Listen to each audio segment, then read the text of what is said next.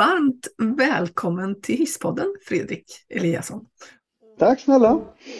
Jag skulle jättegärna vilja att du presenterar dig så ska jag berätta sen varför jag har bjudit hit dig.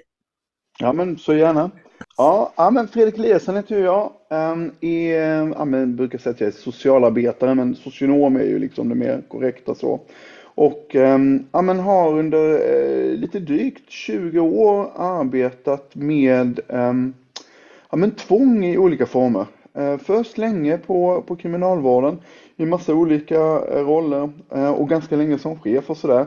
Och sen då på Statens institutionsstyrelse. Det vill säga den statliga myndighet som har hand om all tvångsvård av unga människor och personer med svåra beroendeproblem i Sverige. Så 32 olika sådana här behandlingshem eller institutioner eh, organiseras då som en, som liksom en statlig myndighet och eh, där har jag spenderat mina senaste, ja, lite dryga tio åren. Och sen driver jag en, en, en egen ja, konsult eller utbildningsföretag ehm, eh, sen också ungefär tio år tillbaks. Ja, och jag hittade ju dig utifrån att självklart så är jag intresserad av MI och det har jag jobbat med länge, men mm. alltså det här med empati och mm. inte bara empati eh, människor emellan utan också kopplingen till när man ska arbeta med mm. tvång. Hur, hur mm. får man fatt i empati och samarbetsförmåga då? Och så har mm. du forskat och presenterat eh, en metod och en modell för det. Men jag tänker mm. Starten för mm. alltså, socialarbetare och socionom, ja. ja.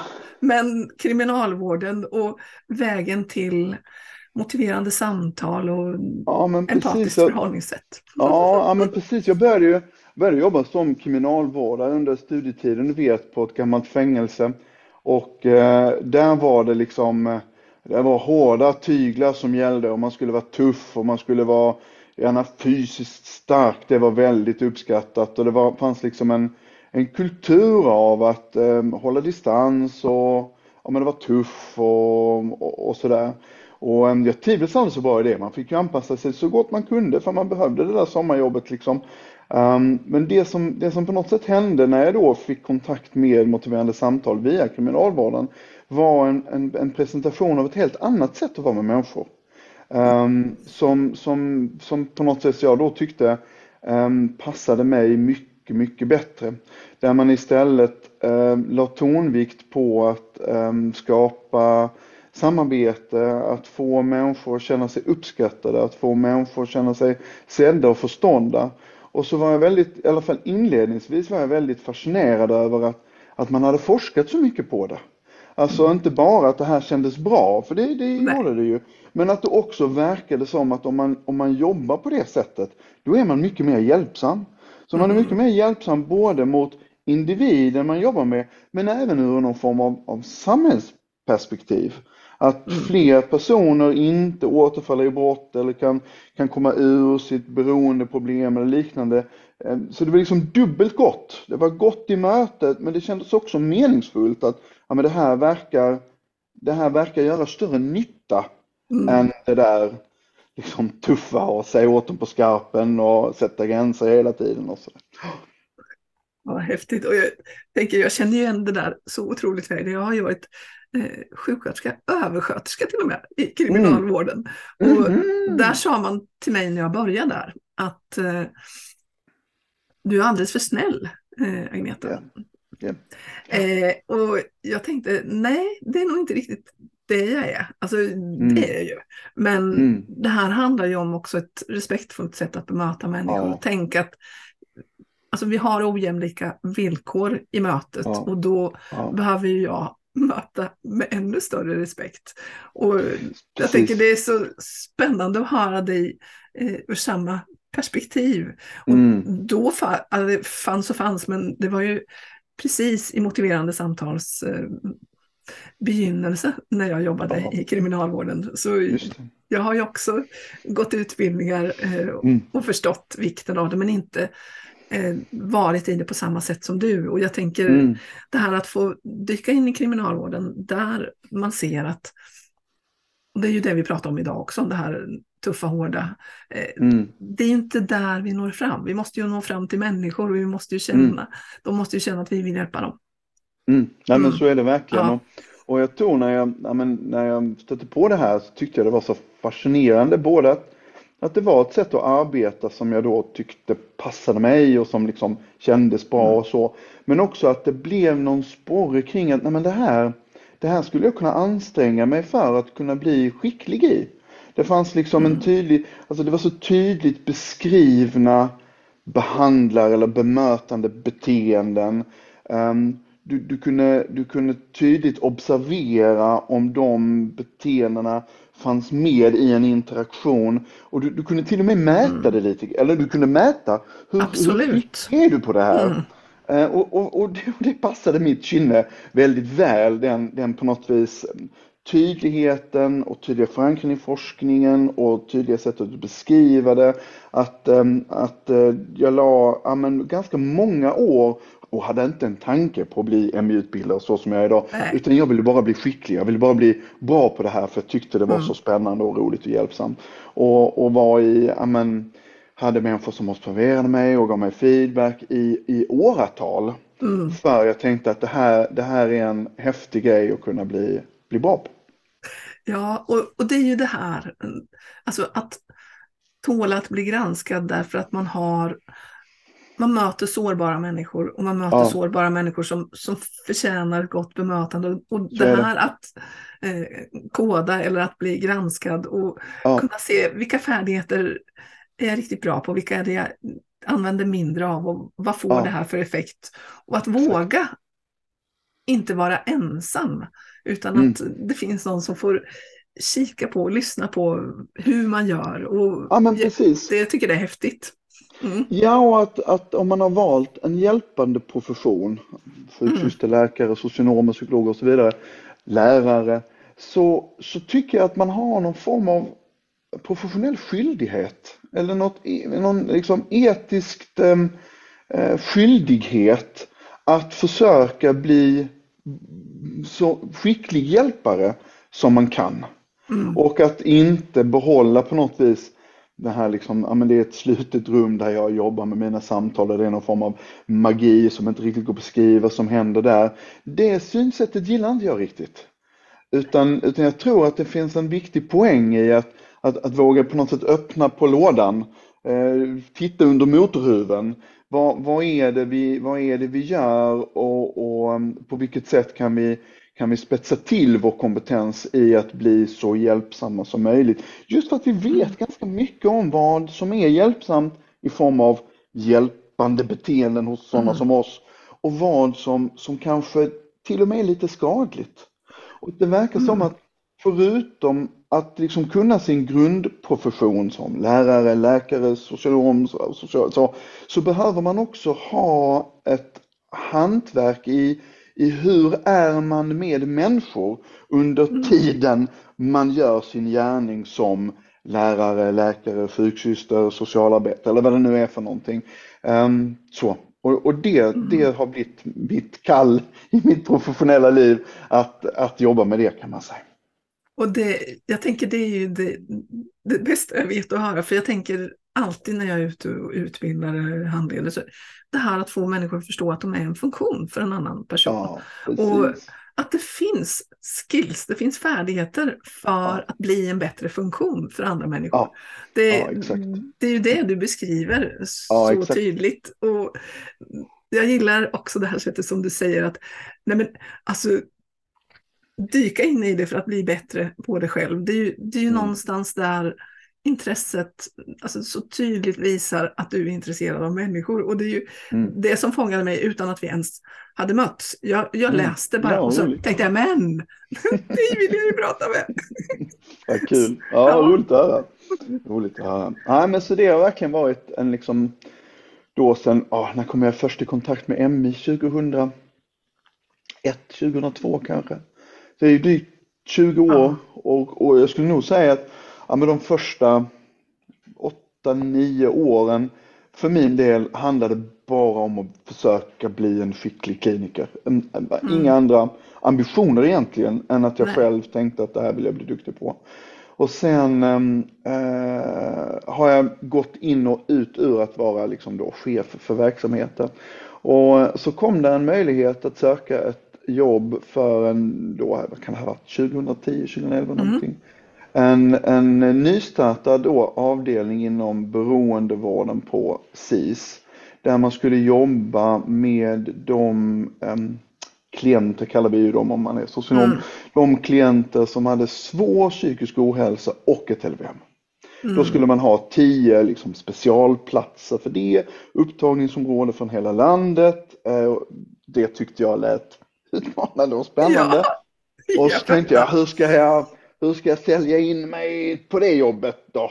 Mm. Och då, då tänkte jag det, nej men om man kan flytta det här sättet att vara med människor som är med, om man kan mm. flytta det från någonting, liksom en hatt man sätter på sig, nu ska jag ha ett MI-samtal, om man kan flytta det till att det blir mer som en arbetsplatskultur eller någonting mm. som genomsyrar den vardagliga interaktionen eh, på, en, på liksom en, en, en avdelning.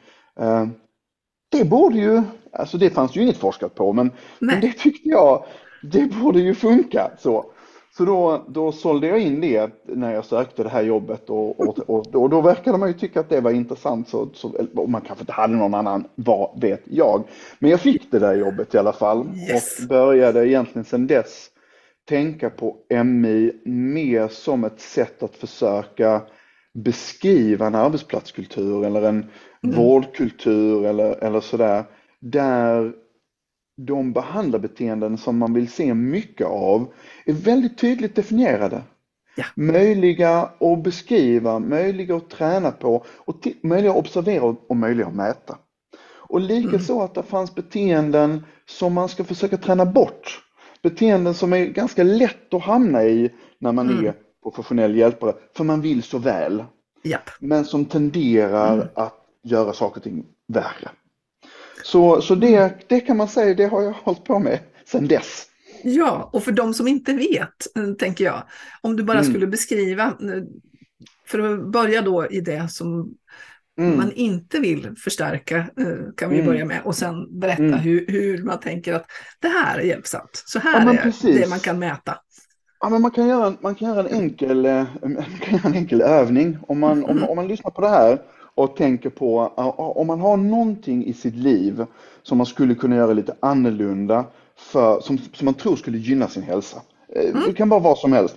För mig är det att jag skulle behöva använda tandtråd lite oftare eller du vet jag skulle behöva kanske röra på mig lite mer eller ja, men, mm. äta mer grönsaker. Men man, och de flesta av oss har idéer om vad man yep. skulle kunna göra lite annorlunda för att förbättra sin hälsa. Så man har det i huvudet mm. och så låtsas vi att jag är en en, en, en, en vårdkontakt som man har kommit till för att man vill ha liksom lite, ja hur ska mm. jag ta mig an det här?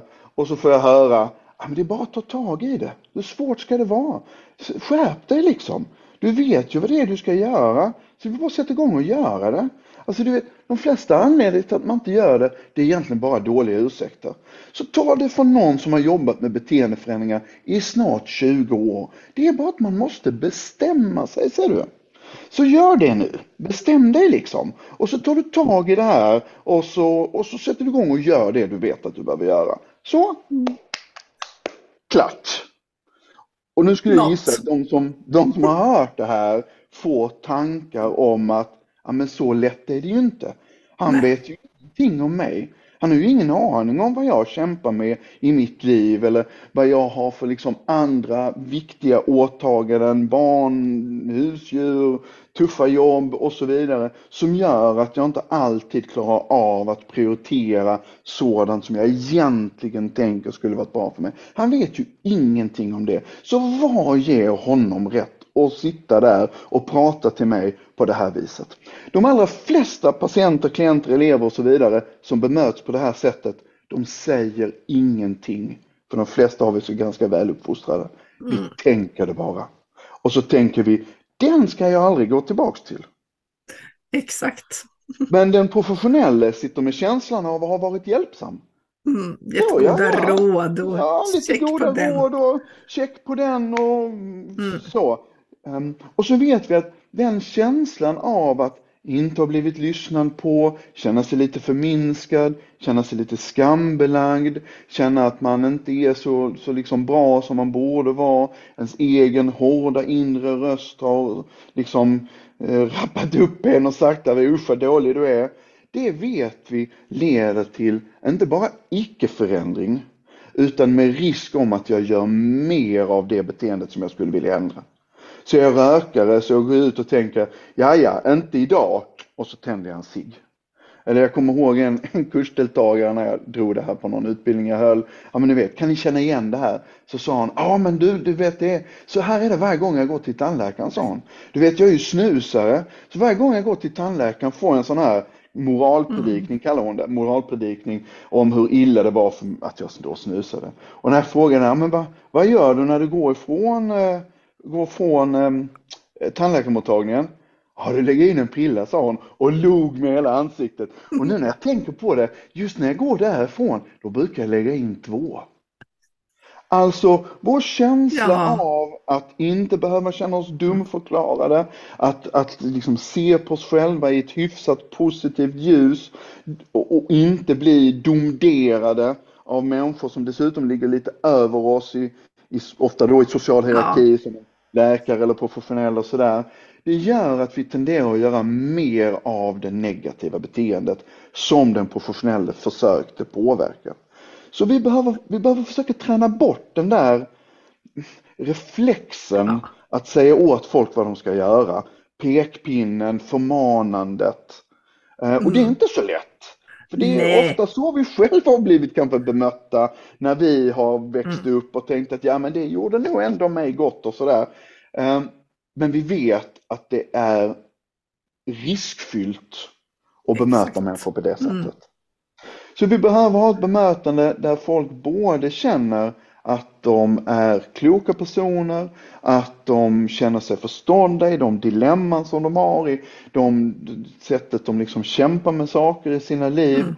Och så kan vi, om tillfället är rätt och så vidare, påverka motivationen genom att vara intresserad av de skäl, anledningar, behov en person eventuellt sitter med av att vilja börja göra annorlunda. Så istället för att få den där förmaningen så skulle man kunna fråga människor den här grejen som du funderar på. Eh, berätta, berätta lite mer om det. Vad är det som gör att du funderar på att, att du skulle må bättre om du hade ändrat på det där? Dra ner på mm. rökningen. Vad, vad, vad, tror du är, vad tror du mm. liksom är, vad är skälet till att du funderar på det här? Och då berättar ju folk det. Ja, men det är dåligt för min hälsa och kostar massor med pengar och jag är en dålig förebild för mina unga. Och den typen av prat kallar vi på MI-språk för förändringsprat. Och vi mm. vet att om vi kan hjälpa människor att, att mer tänka på de långsiktiga vinsterna med att ändra på ett beteende istället för de kortsiktiga vinsterna mm. av att fortsätta med ett beteende, att då verkar det vara ganska hjälpsamt. Det är helt magiskt att lyssna på dig, för det, du gör det ju också. Du gör det ju när du pratar.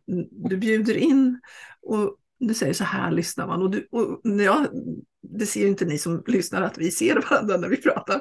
Jag, jag blir ju sådär så att jag skulle vilja, ja men tänk, då skulle jag ju kunna prata om det här som jag tycker att jag borde ändra på.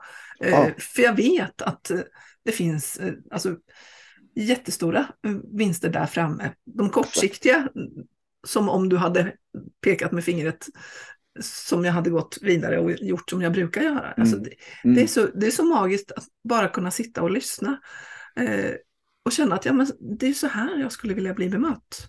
Mm. Någon som anstränger ja. sig för att försöka mm. förstå dig, mm. någon som ser dina strävanden och dina ansträngningar, någon som tittar på dig med styrkeglasögon, ehm, då tycker vi, då, då, då går det att ja. prata om sådant som många av oss kanske skäms lite för. Mm. Ja, för den lägger sig i vägen för de här öppna samtalen. Om, om vi som, alltså, vi kan ju byta roller och, och vara klienter och patienter hur många gånger som helst. Men, ja, alltså, men när vi är i en behandlingssituation, om mm. vi förstår att varje gång jag lägger ett skamfilter framför någon Exakt. annan så har jag ju stängt dörren. Ja. Och det är väl inte Och det vi vill? Ja. Men såklart att det inte är. Alltså, det, men, men ibland kan jag uppleva i hjälpande professioner att ja, men det finns en övertro ibland på att så länge du har goda intentioner kommer du göra gott. Och det där stämmer ju inte. Du Nej, kan med de bästa av intentioner ändå inte göra gott. Att inte vara så Mm. hjälpsam som du skulle kunna vara. Trots att ditt hjärta är på rätta stället och din önskan om att vara hjälpsam finns där så är det ändå så att dina beteenden är inte Mm. hjälpsamma för den andra. nej, och det är ju det här att få häng på sig själv som hjälpare. Och jag tänker, Mm. eh, det är det du har jobbat med de här eh, sista tio åren, tänker jag. Ja, Eh, verkligen. Eh, Mm. för vad hände med de där tio platserna?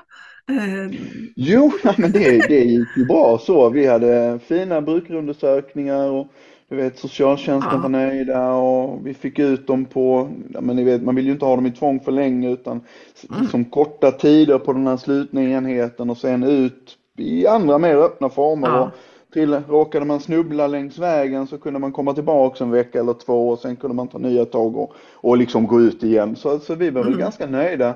Men sen så hade jag ett annat uppdrag som också satte det lite mer på sin spets. Vad kan det här varit? 2015, då hade jag lämnat, slutat på den här Mm. avdelningen och jobbade som utbildare. Men så hade vi ett ganska krisartat läge i LVM-vården i Sverige. Vi hade fått kö in på akutplacerade. Och det kan man ju inte ha. Det här är ju personer som är på väg att, att, att dö. Ja. Och jag menar hela SIS uppdrag är ju att vi måste alltid kunna Nu. bereda plats ja. för personer som blir akut placerade. Och det kunde vi inte. Vi hade, Mm. du vet, 25-30 pers i kö. Så då fick jag i uppdrag att på väldigt, väldigt kort tid ordna någon form av väntavdelning. Alltså, Ja. vi lånade lokaler mm, av, av um, kriminalvården faktiskt i Helsingborg. Mm. Och så, så satte vi upp tio platser eller vad det kan ha varit på ett par veckor bara. Så du Wow. vet, rekrytera personal, Ja. fixade Mm. någon, någon sån här hyrsyrra, eh, någon hyrläkare, någon cateringfirma ja, och sådär. Och där fanns, där fanns liksom ett vardagsrum, Mm. tio bostadsrum, där fanns ingenting annat. Inga Nej. fritidsutrymmen, eh, ingenting. Så tänkte, hur sjutton ska vi få folk att trivas här? Och framförallt, hur ska man få den här personalgruppen som Mm. ofta jobbade i nya konstellationer varje dag. För de som jobbade Ja. där, de kom från andra SIS-institutioner, de kom från socialtjänsten, de kom från HVB-världen, de kom från kriminalvården och gick in och jobbade extra på den här avdelningen. Så det var nya konstellationer varje dag. Aj då. Och Mm. inga, du vet, det gick inte att ha några sådana uppstartsmöten, inga, Nej. hur ska vi jobba på det här stället? Ingenting. Så tänkte jag, hur sjutton ska vi få en sån arbetsgrupp att hitta någon form av gemensam, hur, hur ska vi jobba hos oss? Så det, det jag tyckte jag kom på var att jag träffade alla, men individuellt eller i grupp, Mm. innan de liksom började jobba hos oss. Och så försökte jag hitta någon form av beskrivning för hur ska vi jobba hos oss? Och den beskrivning jag hittade lät någonting i stil med det här. På den här enheten så är vårt främsta mål att de som bor här, att de ska vilja hänga med er. Mm. De ska, de ska tycka om att umgås med er. Och de, de behöver känna att ni tycker om att umgås med dem. Hur ni lyckas med, ja, hur ni lyckas med det, det, det är spel, alltså det, använd all er kompetens, allt ni kan, ni är ju alla erfarna, försök hitta lösningar. Vi hade inga, du vet, inga regler, ingenting sådant, utan det är målsättningen. Och, och, och tycker ni det verkar som ett intressant sätt att jobba, då tror jag att det här, att ni passar här. Om ni tänker, oh shit, hur ska man få till det och nej, det där passar inte mig, ja, då är nog inte detta rätt ställe. Och det gjorde att ja, men det såg ju lite olika ut beroende på vem som jobbade, men alla hade samma målsättning. Hur kan vi få de som just nu bor hos oss att trivas? Mm. Och vi fick folk, du vet, de kom ju bojade när de kom med polisen och hann du under de här två och en halv månaderna vi var öppna innan vi, då hann man ju bygga på alla de andra Mm. ställena. Eh, inga incidenter överhuvudtaget. Såklart. Alltså, du vet, när jag lyssnar på dig när du beskriver det här så det, liksom, det ryser inombords. För det är Mm. det här, det är egentligen allt det handlar om. För när man mm. har det så svårt så att man nästan är på väg att dö av en ja. sjukdom. Ja. Eh, man har flera sjukdomar förutom mm. den. Eh, mm. Och så möts man av någon som säger hej, du är välkommen mm. hit. Vi mm. vill hänga med dig. Vi gillar ja. att jobba med dig. Välkommen hit. Eh, vi kan inte stänga dörren. Det är ditt val att vara här. Jag tänker ja. det, det är liksom drömmen att få möta människor så. Och egentligen så är det ju självklart. Va? Ja, men vi har ja. massa strukturer som ja. stökar till det och med massa mm. gamla, mm. gamla kulturer ibland och, och mm. sådant som, eh, som, som stökar till det för oss, eh, tror ja. jag. Det är precis som, och det finns ju mycket skrivet i litteraturen om det, det verkar som att särskilt på slutna institutioner så, så händer det någonting med dem. Viss alltså, vissa ska bo där och andra är personal och kommer och går. I den, mm. I den strukturen så verkar det hända saker som inte alltid är hjälpsamma. Och som man kan ha kunnat observera i, mm. ja, men, i hundra år. Liksom, att Exakt. det händer någonting när man mm. har den här uppställningen eh, så. Så man aktivt behöver hitta former och strategier för att liksom inte mm. hamna i, tror jag. Nej visst, och, och hur kan man jobba för att inte hamna där? Alltså, för jag tänker det är ju ändå en del av det, exakt precis det du gör. Mm. Att mm. hjälpa människor att inte hamna där, både i anställningsförfarandet men också i, i sitt, sin profession. Du får välja var, var du vill börja. Ja, ja men om man, om, man, om man börjar, eller den enda jag skulle vilja börja i är att eh, man, man måste tänka på att det här är ett ständigt pågående arbete. Så det är inte någonting som går och men vi fixar det här över två dagars personaldag en gång om året eller, eller vi, vi köper in någon utbildare som håller lite utbildning för, eller, eller till och med håller mycket utbildning för personalen. Det mm. kommer inte att ha så stor betydelse utan det är det dagliga på något mm. vis uppmärksammandet av de beteenden man vill se mycket av och uppföljning och samtal om det blir för mycket beteenden som man inte vill se. Mm. Så äh, alla som arbetar har på något sätt dels någon form av gemensamt arbete, att vara delaktiga i det här. Men det är ju också om man är ansvarig för en sån här verksamhet, att ha ett arbetssätt som uppmuntrar, äh, belönar, mm. äh, ger uppmärksamhet åt en viss typ av beteenden och har någon form av uppföljande samtal eller liknande mm. för de beteenden man inte har. Så när man, när man, när man liksom tittar i, i litteraturen kring hur man liksom kan påverka arbetsplatskulturer, ja. då är det egentligen tre, ja, men, tre styrspakar man kan använda av. Det ena är hur tydliga är förväntningarna? Mm. Alltså, så här jobbar vi hos oss. Det var ju det jag försökte med. Det här är förväntningarna om ni ska jobba hos oss. Så det ena är, hur tydliga är förväntningarna? Vilket stöd finns det för den mm. enskilde för Precis. att klara av att nå upp till de förväntningarna? Mm. Och den tredje är det här med vad belönas? Med ja. uppmärksamhet, med eh, vem är det som får lov att stiga i graderna, vem är det som ges eh, liksom förtroendefulla uppdrag. Eh, det tittar man efter i en organisation för att veta, mm. är vi på rätt spår? Så där är, där är som tre ändå rätt tydliga styrspakar yes. för att jobba med en, en, en, arbetsplatskultur. Och det där stödet kan ju vara utbildning, handledning ja. och, och sådant. Men det alena verkar inte påverka en arbetsplatskultur. Nej, nej, det behövs ju både alltså från den som är chef eller arbetsledare, ja. men också i hela ja. gruppen, att man hjälps åt. Exakt. Att man hjälps åt på ett vänligt sätt. Ja. Alltså, både med att lyfta ja, de här exakt. hjälpsamma beteendena exakt. men också ja, när det inte funkar. Ja. Jag brukar ofta be människor titta sig i spegeln när de kommer till jobbet. Mm. Eh, för jag tänker det här att hur, hur är min dagsform idag? Hur, hur mycket energi har jag? Vad är det jag utstrålar? Och om jag inte har den, ja. så behöver jag ju akta mig för att träffa sårbara människor. Ja, precis. Eller precis. ha strategier för att hämta tillbaka min energi. Men ja, också exakt. be om hjälp. För, mm. för det här att man alltid ska klara allting, det gör vi ju inte. Ja. Vi behöver ju kunna säga att men, men idag är det riktigt... Eh, precis. kaos och, hos mig. Exakt, exakt. Mm. Och, och, vi pratar ju om, vi pratar om ganska svåra jobb. Där, där, där, när man möter väldigt sårbara människor som varit med om hemska saker mm. så, har, så möter du också ganska jobbiga beteenden ja. som du då behöver stå ut med. Mm. Så, så det, det, är väl en, en, en ingång till det. Och sen så, um, ja, men hur, hur hittar man personer då eh, ja. som, eh, som kan vara duktiga på det här? Och då har vi eh, sedan något år tillbaks jobbat med ett projekt där vi har försökt skapa ett, ett arbetsprov i eh, bemötande. Mm.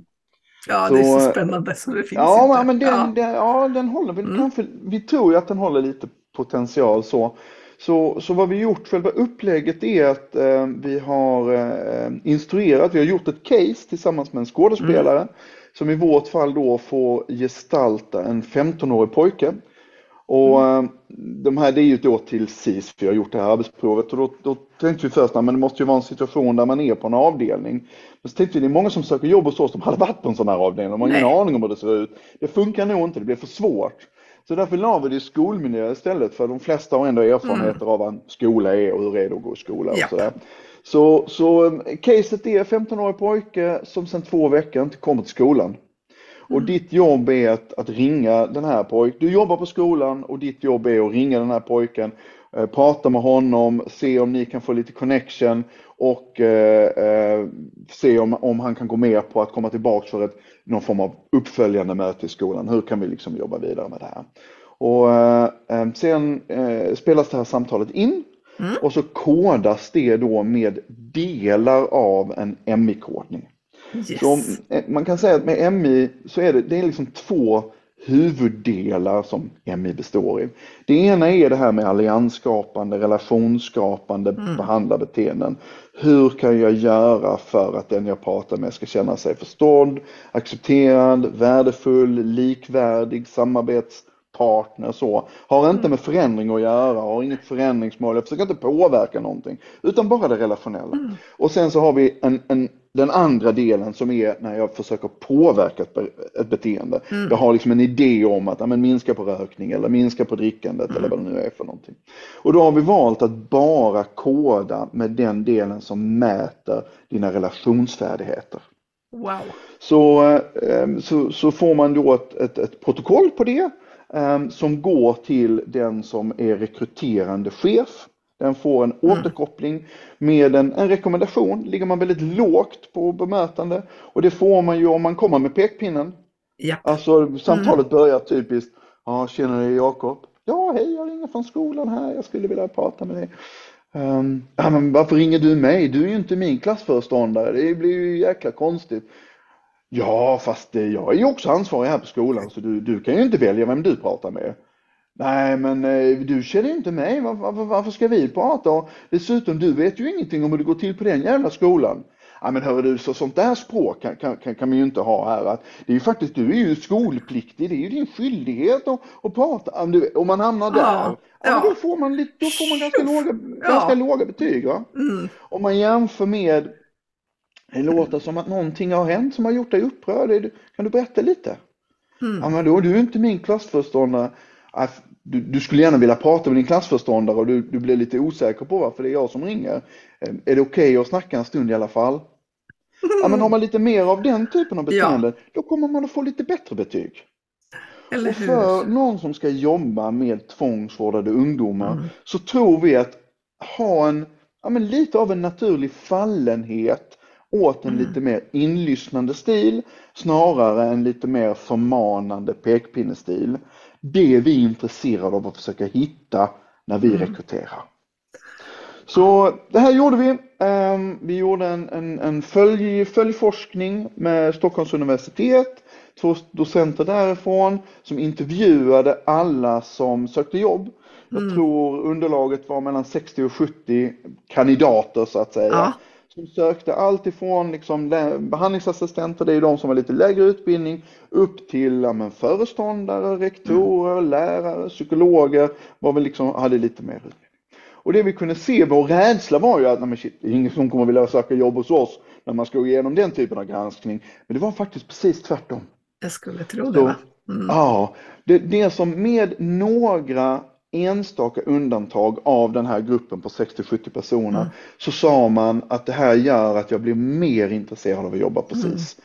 För det här säger någonting om att ni har värderingar om att bemötande är viktigt och ni tar, på, ni, liksom, ni tar det här på allvar. Att ni vill hitta människor som är duktiga på det. Och, och jag tror att om jag får det här jobbet, för de blev intervjuade innan Mm. de fick reda på liksom om de fick jobbet eller ej. Då tror jag att jag kommer att kunna gå in i det här jobbet med lite bättre självförtroende. För jag har passerat någon form av test. Eller hur? Och sen intervjuade vi också eh, de rekryterande cheferna som sa att Nej, men det här är hjälpsamt. Det här, det här Mm. ger liksom, eh, det här ger eh, större, på något sätt, men man har lite magkänsla och oftast stämmer den. Men här får jag liksom min magkänsla bekräftad. Ja, inte bara Och- lita på den. Mm. Nej, kan inte bara lita Mm. på den. Och så, och så sa de också det att ja, men, i den bästa av världar så skulle vi vilja kunna använda det här för att hitta stjärnorna. Mm. Men så är verkligheten inte riktigt. Vi är i så stort behov av personal att vi inte alltid kan ta bara de som fick toppbetyg på det här. Men om jag vet att någon kämpar lite, då kan jag påbörja min stöd, min handledning, min uppföljning med, den, med den nyanställde mycket, mycket, mycket tidigare. Annars ska man ju lära känna dem lite först och se vad har de sina styrkor, vad har de sina utvecklingsområden. Här har jag någon form av startpunkt på var man har sina styrkor, var har jag mina utvecklingsområden och då kan jag stötta den medarbetaren mycket, mycket bättre. Tycker jag. Fina grejer tänker jag. Det är riktigt fina grejer som jag tänker, alltså alla människohjälpande yrken borde fånga, för det är ju det här det handlar om. Mm. Mm. Det vet vi ju själva när vi går någonstans där det är någon som ska hjälpa oss, i, Exakt, alltså i hälso och sjukvård eller vad den kan vara någonstans. Om vi möts av någon som berättar för oss hur vi ska tänka och vad vi ska, borde ha tänkt på innan vi kommer dit och hur vi skulle ha Exakt. gjort för att vi inte skulle hamna här och för att vi skulle. Exakt. Jag menar, Exakt, exakt, jag det har ju hamnat i alltså, en liten sån etisk eh, konflikt med mig själv ibland. Att eh, jag är ju Mm. sjuksköterska och vi har ju etiska riktlinjer och jag har också en hälso och Mm. sjukvårdslag. Eh, Mm. Men jag känner ibland att alltså, det finns kollegor till mig som, och jag tror inte det är liksom ett medvetet val, men man hamnar i där när man ska räkna pinnar och man ska vara Ja. manualstyrd. Att man blir Ja. som en portvakt. Ja, Kom exakt. inte hit. Eh, Ja, exakt. håll dig borta. Och jag tänker Mm. det är ju inte det när man äntligen tar upp luren eller vad man nu gör, en- vill möta oss Precis. över. Och det är ju samma sak. Precis, jag menar där har man inte ens valt att hamna. Nej, Om jag söker hjälp så söker jag hjälp, men om jag inte har valt att hamna Precis. någonstans så är det ju ett snäpp Precis. viktigare till. ja och ett snäpp större ansvar Japp. för vårdgivaren. Alltså Mm. om samhället går in och, och tar självbestämmandet ifrån någon, Ja, ja, då måste vi vara ganska säkra på att det här inte ska göra någon illa. Och det lyckas vi inte alltid med. Vi kämpar ju en del i vår, i vår Ja. myndighet att lyckas med det här. Mm. Och då gäller det ju att verkligen försöka jobba på alla möjliga sätt man kan hitta, alla ingångar man kan komma på för att så fort som möjligt hitta sätt att liksom få bukt med en del av de utmaningar som, som, som SIS verkligen har. ja visst. Och det här att eh, kunna sprida det här sättet att rekrytera, tänker jag. Om Mm. det är någon som lyssnar idag, hur kommer de i kontakt med dig? Jag tänker det är klart att vi ska lämna dina Ja, ja så, men precis. Ja, ja. Men mail är, mail är det, är det, är det Mm. lättaste. Eh, och jag, vem var det jag hade kontakt med? Det kommer jag inte ihåg nu, men det pratades om att, att man var intresserad av att lyssna på det här på socialchefsdagarna eh, 2023. Just för att man tänker Mm. att det här kan finnas liksom bredare tillämpningsområden än, Oh, ja. än bara hos oss. Mm. Ja, ja för det, det är ju verkligen, även om det absolut innebär ett högre ansvarstagande som Mm. vårdgivare när Mm. man jobbar under tvång, absolut. Ja, Men ja, i varje möte så är ju det här exakt. Ja, hela grejen. Och om vi skulle avgörande. ja, avsluta Mm. med någonting som du tänker att ja, men det här skulle jag skick, vilja skicka med till de som lyssnar. Eh, om man är nyfiken på att eh, alltså, utveckla ett sätt att eh, bemöta människor så här. Mm. Ja, men, eh, ehm, en, en av MIs upphovspersoner, när han tränade doktorer i liksom inlyssnande, bemötande och sådär, så sa de här doktorerna, det är han som har berättat, så sa de här doktorerna, det här låter döbra Steven, jättebra, jättebra för du vet kuratorerna och psykologerna, men du vet, vi är ju läkare, vi, vi har ju inte tid med det här. Och då, och då berättade han att, men du vet, han bara, jag måste bara komma på någonting. Så sa han det att, nej men eh, det finns också någonting som heter uh, rapid engagement. Alltså att snabbt, att snabbt engagera. Det, det kanske skulle passa, så jag bara hittade på det. Jaha, sa läkaren, jo men det låter ju intressant, vad, vad innebär det då? Uh, ja men, uh, så sa han, jag var tvungen att bara hitta på någonting. Så sa han det, ja men om ni, för ni, ni, vi är alla stressade i våra möten, man har mycket på sin egen mm. agenda. Så sa han det, Ta 20% av den tid ni har till ert förfogande. Lägg undan er egen agenda och koncentrera er på att bara försöka lyssna på den andra. Försök sammanfatta lite, ställa lite frågor, men sätt er egen agenda åt sidan 20% av tiden. Och sen när 20% av tiden har gått, då bara jobbar ni på som vanligt. Ja men det, det skulle man ju kunna göra tyckte läkaren. 20, 20 är inte så farligt. Och, en vanlig, och det här forskade man på sen. Mm. Vad är 20 procent av ett, ett sånt vanligt vårdcentrals läkarbesök? Det är bara några minuter va? Är fyra minuter av en mm. kvart, 20 minuter som man kan få till sitt förfogande. Och man kunde se skillnader hur patienten upplevde hur blev, hur blev jag bemött? Hur mm. blev jag lyssnad på? Hur upplevde jag den här läkarens kompetens? Om högre eller lägre eller så? Hur väl följde jag läkarens rekommendationer? Alltså tog jag du vet, pillerna ah. eller vad jag nu skulle göra. Hur väl följde jag läkarens rekommendationer och hur mycket symptomminskning fick jag? Och man kunde se signifikanta skillnader på alla de variablerna där den enda skillnaden var att man hade en 3-4 minuter av någon form av intresserat lyssnande i början på sessionen istället för att man liksom gick pang på rödbetan. Och det tror jag många professioner skulle, det skulle man relativt lätt kunna införa. Ja, men 20% av den tid jag har, undan med den egna agendan, allt jag tänker vi måste hinna med av utredning, mm. ställa frågor, komma till roten med problemet, vad det nu är jag är anställd för. Mm. Och, och, och göra någon form av, hur kommer det sig att du, du kommer hit idag? Eller? Och så lägger man en 3-4 minuter någonting på att bara lyssna och sen jobbar man på som vanligt. Det tänker jag är möjligt att göra för många. Helt suveränt Fredrik och jag tänker för mig som har fått förmånen att samtala med dig idag så, så känns det här alltså, varmt inlyssnande, kunskapsrikt och hoppfullt. Så tusen tack ja, för tack. att du ville vara med. Så gärna. Tack för inbjudan Agneta.